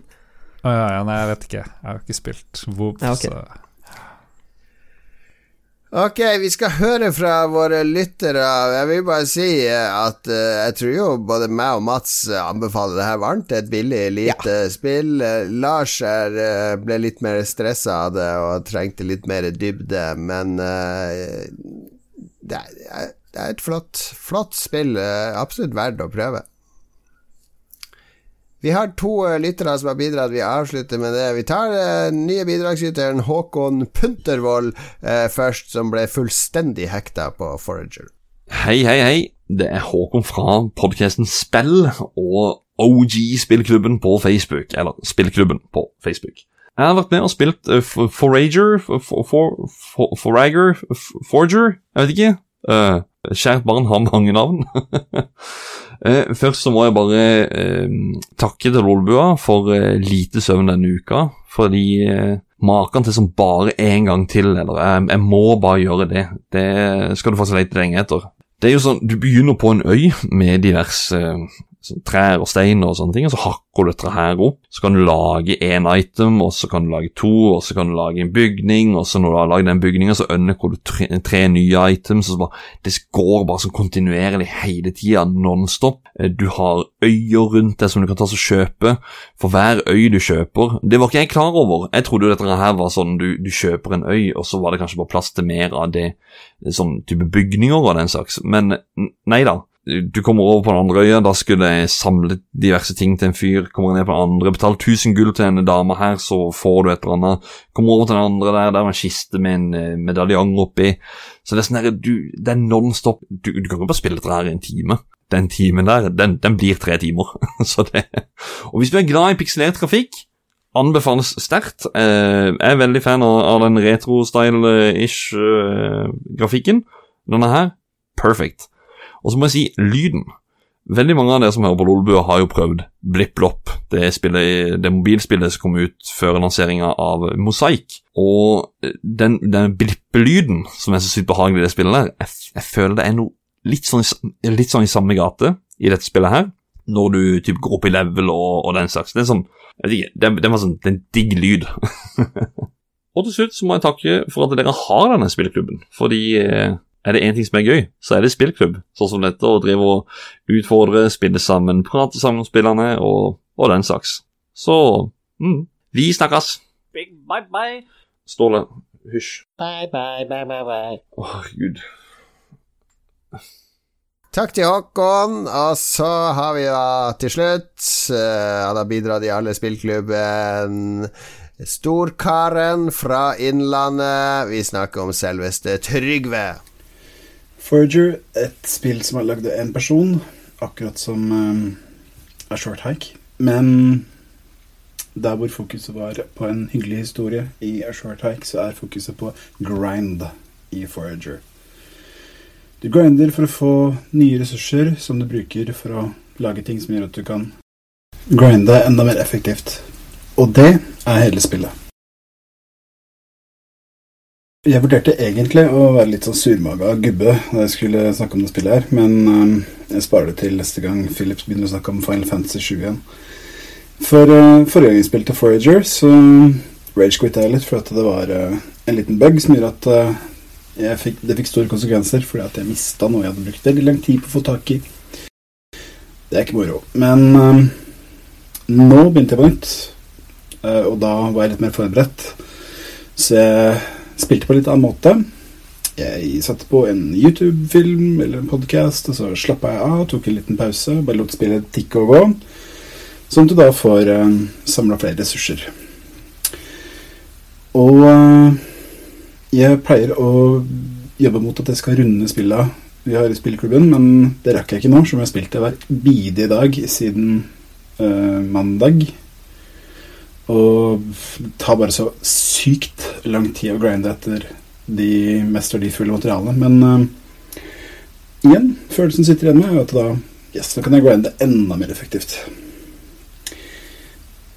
Og um, det kritikken jeg vil rette mot Forager, bortsett fra at det er liksom litt for buggy noen ganger, det er det at det føles Altså Istedenfor at det føles som at det er et spill hvor liksom du kan Du kan velge hva du vil gjøre, sånn som i Minecraft, hvor det liksom er Det er ikke noen begrensninger. Du kan ikke spille Minecraft på feil måte. Så det er veldig sånn i Forager at hvis du ikke stadig går ut og grinder og finner nye ting og hindrer øynene dine fra å bli overgrodd, så gjør du det feil. Og um, det er veldig repetitivt. Det er det. Ikke at det er noe gærent i seg sjøl, men um, det er liksom hele den der delen hvor du skal um, Hvor du skal ut på eventyr, slåss mot monstre, finne dungeons, uh, grinde gjennom en lang dungeon. Det er liksom Du innser det at hvis jeg skal få tak i alle de tinga jeg vil bygge, så må jeg gjøre dette her så mange flere ganger. Og det liksom mister sin egenverdi, da. Det er bare nok en ting du må gjøre for å få mer, mer ressurser. Nok en grind inni grinden. Så altså Jeg har ikke noe imot grind, og egentlig. Og det er liksom sjøl om noe av dere eh, tida, noe av tida det tar å lage noen materialene, bare vente på at fabrikken din skal lage en barre med sånn kosmisk stål og det er for noe. Det føles veldig som at det hører mer hjemme i et sånn free to play-spill, hvor du må betale for å korte ned en timer, enn at det er et enspillerspill. Det er øh, Føles ikke helt riktig, men øh, du må se på det sånn at hvis du setter deg ned og slapper av litt, bare har fokus på noe annet mens du spiller, så, så går det an. Da gjør det ikke noe å vente litt. Så ja. Det er vel det.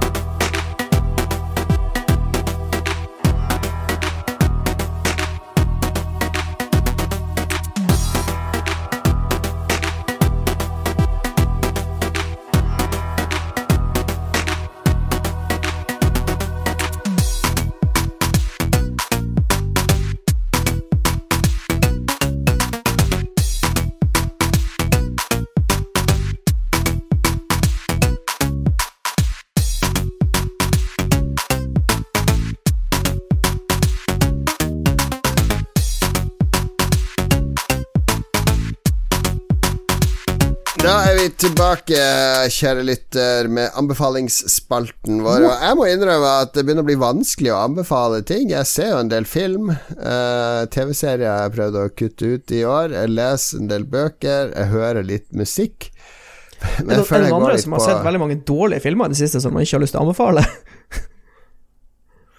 Har du, har du vært på dårlig filmkjøre? Nei, altså bare sånn Jeg har liksom bare sett filmer, sånn nye sånn Netflix-filmer og sånn, men jeg syns det er så mye labert, rett og slett, som jeg ikke har lyst til å Ja, av ny film så er det det. for Det kan jeg jo nevne, selv om jeg ikke skal dra den spalten her ned i gjørma. Men jeg har sett den der The New Mutants, som er en ny Marvel-film.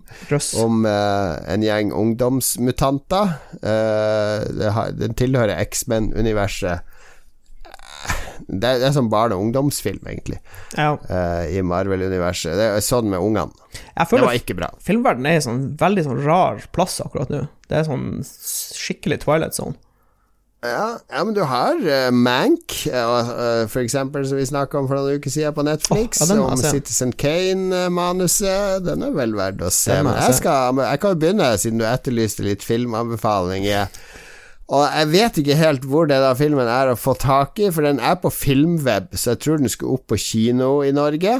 Men så har jo skjedd det som har skjedd, så forhåpentligvis er den tilgjengelig lovlig på et eller annet vis. Jeg har sett den på Criterion Channel, som jeg, som jeg betaler for å se. Fordi de har faktisk begynt å sikre seg en del nye sånne art, artsy festivaltype filmer. Eh, som jeg syns er bra. Fordi den heter Filmen heter Bakurau. B-a-c-u-r-a-u. Er en uh, søramerikansk uh, film. Er vel brasiliansk, tror jeg. Egentlig, egentlig en moderne western. Altså den foregår det, det er science fiction, da. Den foregår i nær fremtid. Eh, uten at du trenger ikke å forvente romskip og laserpistoler og sånne ting. Men uh, den foregår i nær fremtid i en sånn der uh, bitte liten by langt ute i Gokk. I, eh, i jungelen i, i Sør-Amerika. En slags Altså ikke sånn- outpost. ja, ikke, ikke en sånn der eh, by med innfødte som går i bastskjørt og sånn, men med folk som går i Pepsi-T-skjorte og hører på moderne musikk og sånn. Men en veldig, veldig rar by. Veldig Det er en veldig rar stemning hele veien. Altså skal, jeg skal ikke si så mye mer om den filmen, men den tok meg veldig på senga. Det er en av de filmene der du ikke bør se trailer eller noe først. Bare tenk på at det er litt som en moderne søramerikansk western. Altså, det er bare å sette seg tilbake og nyte et persongalleri som du blir glad i, et hendelsesforløp som du blir overraska over, og eh, ja, fargerikt. eh, veldig kul bruk av musikk. Og veldig pent filma. Så Bacurau Jeg så Steffen Stø, som uh, han er vel affiliert med Red Crew, tror jeg. Han er jo filmkritiker og TV-seriekritiker på Serienytt. Han hadde den, tror jeg, på andre- eller tredjeplassen over de beste filmene han så i fjor. Ja, er, har en, jeg en dårlig nyhet til dere. Eh, Jon Cato tar feil.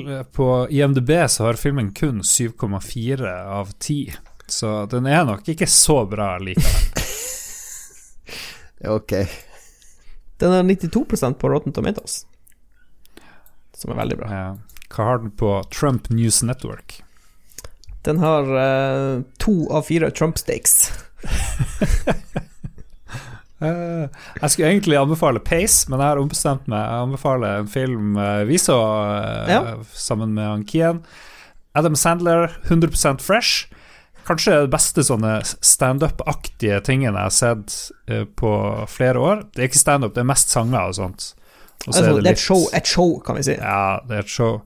Og så er det filma på en veldig fin måte. Han har spilt det inn på masse ulike scener, og så klipper de jo de her tingene fra ulike steder på en ganske sånn upretensiøs og koselig måte.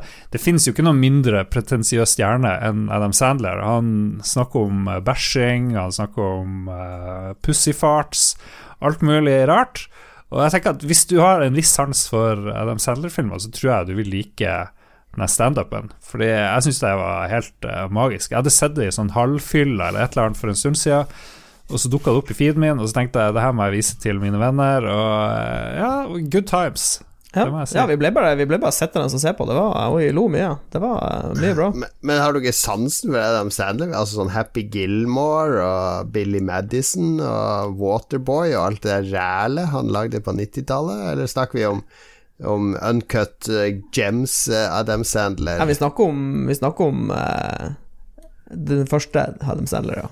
Han bruker Ja. jo deler av seg sjøl i alle de filmene, og så husker jeg jo The Wrong Guys. Nei, hva det heter Den så jo jeg og du, Jon Cato, en gang. Ja, ja, ja, det var artig, det. Så altså- han, eh, han har mye bra som Det ikke er, er sånn. det er mye Altså, det er mye cringe, men så er det også mye gull i mye av de filmene der. Det er, det er blanda pose, kan vi si. Men det, det er sånn amerikansk college-humorgreier, det der med at du skal ha med deg gitar, og så skal du spille sånne låter med sånne tulletekster som jeg syns er veldig motbydelig, egentlig. Ja, da må du styre langt unna den her Ja, for hva er den tradisjonen der, egentlig? Det er liksom Adam Sandler gjør det, Tim eh, Han som jeg anbefalte sist, Tim Heidecker gjør det òg, på scenen. Og så tenkte jeg, hvem er det som gjør sånt i Norge? Jo, da må du til Banjo-Kari og sånne som liksom blander humor og det å spille litt humoristiske sanger. Eller Eddie Scholler i Danmark. Det er så veldig sånn amerikansk eh, college-humortradisjon, det der. Mm, liker du ikke Hva heter han der med banjo i Norge? Han uh, Kisen. Ikke banjokare, men han andre. Han uh, Øystein gitar... Sunde? Øystein Sunde. Likte du ikke Øystein Ja, det er Sunde? kanskje, det er kanskje litt uh, Primavera. Det, det var Ja. litt sånn musikk og Jo, bare kos deg med Ja. Ja. Jeg ville gi det en Ja. liten sjanse, altså. Det er utrolig bra greier, den her eh, Adam Sandler. 100% fresh. på Netflix. Ok, ok. Jeg skal, hvis, hvis du ser Bakurau, så skal jeg se den, Lars. Ja, Jeg og Lars skal se Bakurau. Jeg, jeg er i hvert fall veldig klar for Bakurau. ja nei, kjør på. I'm ready. Ok, gutta. Jeg har uh, Jeg skal ikke anbefale en sportsdokumentar, og jeg skal ikke anbefale en krigsfilm. Jeg håper dere er stolte av meg, ok? Uh, jeg var på jobb nå, uh, og så um, På jobb bruker jeg Jeg er tvungen til å bruke notatbøker, fordi jeg kan ikke ha med meg mobiltelefonen rundt omkring for å ta notater på den. Og så har jeg gått gjennom tre stykk av de her notatbøkene nå, og jeg er utrolig Jeg er veldig glad i de her notatbøkene. Det er utrolig bra kvalitet. Eh, Det eneste Jeg er litt usikker på hvordan det uttales, for det er en sånn E på slutten. Som Ja, liksom det, har jeg jo lurt på. Så gjør meg litt usikker. Så jeg, jeg, liksom, jeg har bare sagt moleskin, men det er liksom en E på slutten. Det er liksom moleskin, moleskiné. Eh, så jeg er litt sånn usikker på hvordan det uttales, men det er i hvert fall Moleskine. Moleskine. Det er i hvert fall eh, et firma som lager notatbøker av utrolig bra kvalitet. Og så kan Ja. du få Du får det med linje, du får det med blanke ark, for jeg vet at det er noen sånne kunstnerspirer som så, så driver og tegner og sånn, bruker disse, for de er visstnok veldig bra kvalitet på papiret. Så hvis du, hvis du er hvis du er på utkikk etter uh, ei fysisk notatbok, så vil jeg anbefale det merket her, altså. Det er Ja. solide greier. Så får du det med litt sånn ja, Det vises kanskje ikke sånn. Den er litt grønn, den her, liksom. Du kan få litt farger på de. De, de er veldig bra størrelse. Det går i sånn brystlomme. Det er litt sånn er hipsteraktig òg, å ha sånne moleskin-greier, er det ikke det? Jeg tenker, jeg bruker ikke mobil, jeg noterer på papir. Men Ja, altså, det skal du si, det- jeg, jeg merker jo det i um, jobben min, at jeg tar jo masse notater på mobilen, og jeg har så mange notater, jeg har sikkert 500 notater, og det tar så lang tid å gå gjennom alle de, det er umulig å klippe og lime og flytte og redigere på iPhone, i hvert fall. Det er Ja, kjøpt kjøp deg sånn. Ja, Så jeg har litt lyst til å ha en sånn, faktisk. kjøp deg en sånn, Lars. Det, det er awesome. Jeg elsker, jeg elsker det. Jeg ser at selskapet er jo italiensk, så da er det sikkert Moleskine. Moleskine, moleskine Nei, men det er Og så finnes de Can you eh, type these words in your moleskine? de, de er veldig lett å få tak i også, for du har de på de, Altså, de fleste norske bokbutikker, altså på flyplassen og sånn, du, du får kjøpt de der, liksom, så de er ikke vanskelig å få tak i heller. Og de er, ikke- koster ikke all verden, så det ja, anbefales. Jeg leser på Wikipedia at de oppsto på Sicilia, og de lagde, det var mafiaen som lagde det av huden. Eh, såkalte molé, eh, som var sånn forrædere, så de bare bandt inn eh, bøkene. Sånn. Ja. Det var ja, en Men eh. Mats, du, du, er, du er på tredje notisboka di nå? Notatboka? Ja, altså, jeg, jeg, ehm, jeg har brukt tre av de svarte, så nå har jeg kjøpt meg ei grønn ei, så jeg skal prøve. Ja. Ja. Har du de i bokhylla sånn kronologisk, så du kan gå tilbake Jeg husker i 2018, bla litt gjennom Ja, ja, her er de notatene om eh, ja, pum- pumpefeilen og systemstatusen. system eh, Jeg kan, jeg, jeg kan gå tilbake til 2017 og se alle brønnene jeg testa da, med notater på det og sånn. Så ja, det, Arkivet. Det er ikke sånn hemmelig, det som står i det. Det er ikke hemmelighetsstempla. Du kan gjøre sånn memento, du kan tatovere det inn på huden din i stedet. Jeg tror det blir noen dårlige tatoveringer. Har dere noen prøvd å notere på hånda, sånn som de gjør i film? Å, jeg må huske det nummeret, så jeg har ikke noe lapp. Altså prøvd å skrive på hånda med en penn? Nei, men vet du hva jeg gjør av og til på jobb? Fordi noen ganger så F.eks. For eksempel hvis jeg sitter i en telefon eller noe sånt Vi, vi går jo rundt i Når vi er ute i felten, så har vi på oss kjeledress. Eh, Ja. Og da skriver jeg ofte bare på kjeledressen på låret, liksom, eller på armen, med ei penn. Såpass? Ja, da, har- da husker man det. Det er som en russedrakt. Ja, det blir litt som en sånn russedrakt. Ja, ja. eh, Kuk og sånn på låret Det, ditt. det er det nærmeste jeg kommer i hvert fall å skrive på handa. Ok. All right. Uh, tre ting anbefalt. Eh, Jeg anbefaler filmen Bakurao, uh, hvis du klarer å oppdrive den. den er, håper den kommer på noe streaming snart. Adam Sandler 100% Fresh på Netflix er anbefalt. Og Moleskine, notisebok, eh, italiensk notisblokk, best i verden.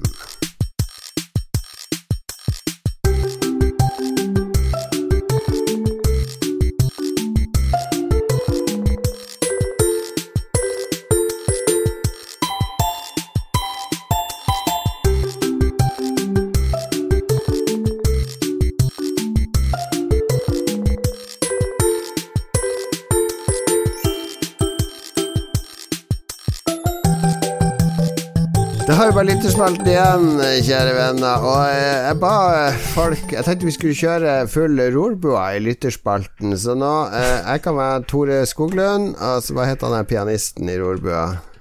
Han han uh, Fred. Trond Myhre. Trond Myhre.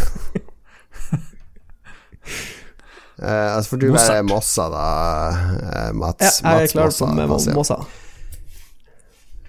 Kjære alle sammen, velkommen hit til Rorbua i Tromsø. Her skal vi høre skrøne og gode historier nok en gang. Og som alltid, på piano, eh, Trond Lars Myhre. Eller, du er så artig, Tore! Du er så artig! sånn er det i Rorbua, der ler vi. Og sannelig har vi ikke med oss vaskehjelpa i dag. Mossa, kom inn, kom inn. Hello. Var det Mossa? Har du aldri Jeg vet, sett jeg vet Mossa? ikke hvordan det- Er det ei dame eller Hun skal jo være veldig sånn frekk i kjeften. Er du selve du her? Det er for satan! Ja.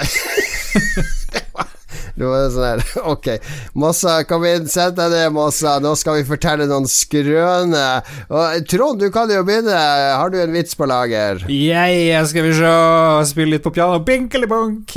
Ja, det vi Jeg fått en vits av han Olav han fortalte meg for mange år siden. Det satt festa seg på hukommelsen som, som uh, tyggegummi under ræva når du sitter på sofaen, og så har du nettopp hatt deg med dame, og så bare masse sædflekker. Men uansett, Olav Eia han, han fortalte meg, altså Hva sier en gjøk? Ko-ko, ko-ko. Men hva sier en irriterende gjøk? Ko-ko, ko?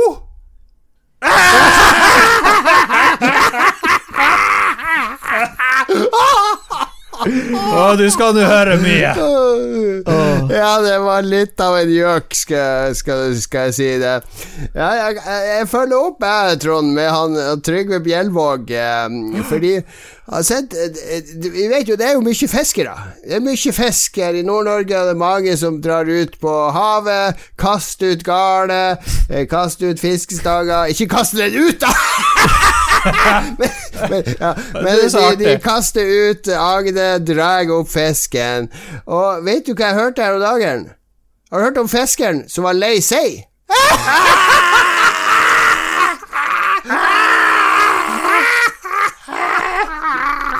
Hva du sier, Mossa? Du blir jo helt stum der borte. Du står Har du pissa på deg? Hallo? Å, fy faen, for en vits. Har du en på lager, du òg, Måsa? Um, ja, nå skal dere høre. Ja, kom igjen, Måsa! Han, eh, han Bjørn Bjelland eh, har sendt oss inn en eh, vits her. Og han lurer på hvorfor er han Michael Jackson så dårlig i sjakk? Jeg vet ikke. Nei, hva, hva, hva kan det være? Fordi han er død!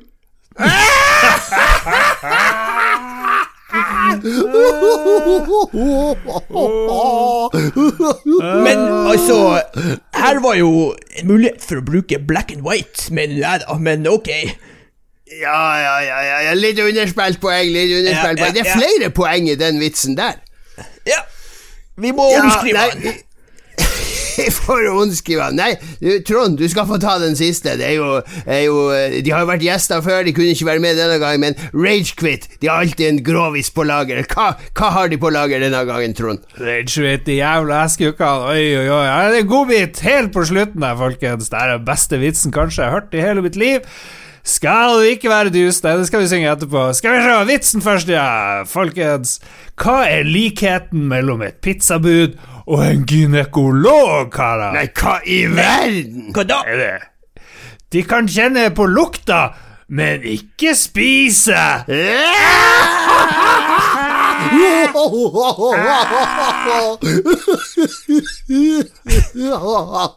Skal vi ikke være dus og være venner? Ja, men jeg vil, alle. Yes, det var lytterspalten. Eh, Jeg tror, tror kona mi var veldig fornøyd med at jeg tok den helt på slutten her når alle ungene prøver å sove. Sånn. Høyest, høyest volum helt på slutten. Uff. Ja, det var det vi hadde for denne gangen. Kanskje tar vi Rorbua tilbake en annen gang òg. Det var jo litt gøy. Det var litt morsomt. Ja. Eh, takk til våre produsenter, eh, Lars. Ja, vi sier tusen hjertelig takk til alle som støtter oss på Patrion. Og en ekstra shoutout får jo produsentene våre. Det er TTMXMP, Kobrakar84, Annebeth, Duke Jarlsberg, Jarle Pedersen, Stian Skjerven og Thomas Holmedal. Dere er utrolig flink, sjenerøs, og samtidig en shoutout til alle som har vært produsenter. Tusen, tusen takk til dere. Alltid en stor plass i hjertet. Det er lov å ta produsentpause osv. Det går ja, helt fint. Det er eh, Sliter man, eh, man permittert og andre ting, så dere trenger ikke å bruke penger på oss. Altså, vi klarer oss. Men, eh, men har du lyst til å støtte oss, så blir vi veldig glad, fordi det gir oss mulighet til å å gjøre ting og investere i utstyr, og vi lover at så snart vi kan reise igjen, så blir det liveshow igjen, ikke sant, Live, Lars? live. Live, live, live, Live, live Aid. Vi skal kjøre Live Aid. Do they Live. know it's Christmas time at all? Yes, vi skal ha karaoke, har vi lyst til å ha igjen. Og så må vi ha wrestling. Skal- Wrestling er mye vi har lyst til å gjøre så snart korona Jeg vil, jeg vil at er noen skal kan- kaste han Lars på et sånt bord som knuses. Der er, kan jeg få kaste Lars Ja, på ja. bordet? Ja, ja, det, vi trenger ikke noe kurs for det. Jeg vet at en i, en i redaksjonen vil at vi skal ta sånn voksing. Det hadde vært artig, det kan vi filme. ja. Jeg trenger å vokse er ryggen. Jeg har fått veldig mye hår på ryggen. Katarina kommer til å banke alle. Ja, men Katarina Ja, er vil at vi skal vokse oss. Hun vil at vi skal fjerne alle hår på kroppen. Det, hun har Jeg er med på å vokse ryggen. Jeg kan ikke vokse brystkassa. Ja, ja. Det Jeg må være skrotum. helst. Ræva. Skrotum! Det hørtes, det hørtes jævlig vondt ut. Der våkna hun Mossa. Skrotum? Kan du si skogen? Skal du, kan du vaksle ei skrotum? Ok, eh, vi må gi oss mens eh, latteren er på topp. Eh, du kan støtte oss på Patrion altså, hvis du vil. Og så har vi to andre podkaster. Vi har Spillrevyen, som er eh, vårt seriøse alibi med spillnyheter.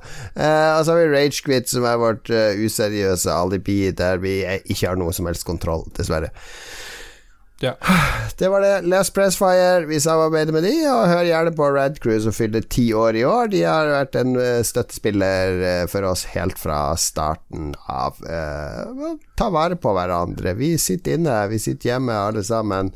Kanskje skal jeg streame DJ til helga, får se. Uh, Vi, hvis eh, Det er jo behov for Ja, sånne ting nå. Men jeg leste da, helt på slutten Det var, var en dame som streama på Twitch, og så gikk hun på do, og så kom dattera hennes på ti.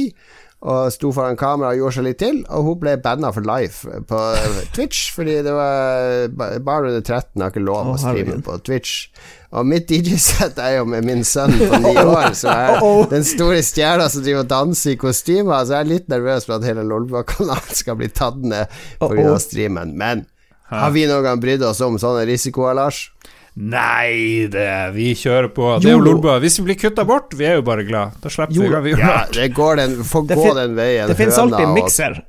Nei, vent litt. Nei, det gjør ikke det. Det, gjør ikke det. det får gå den veien høna sparker. Vi er fatalistiske lolbua. Ingen over, ingen ved siden. Alle er bak oss og under oss. Takk for oss. Ha det bra. Hei!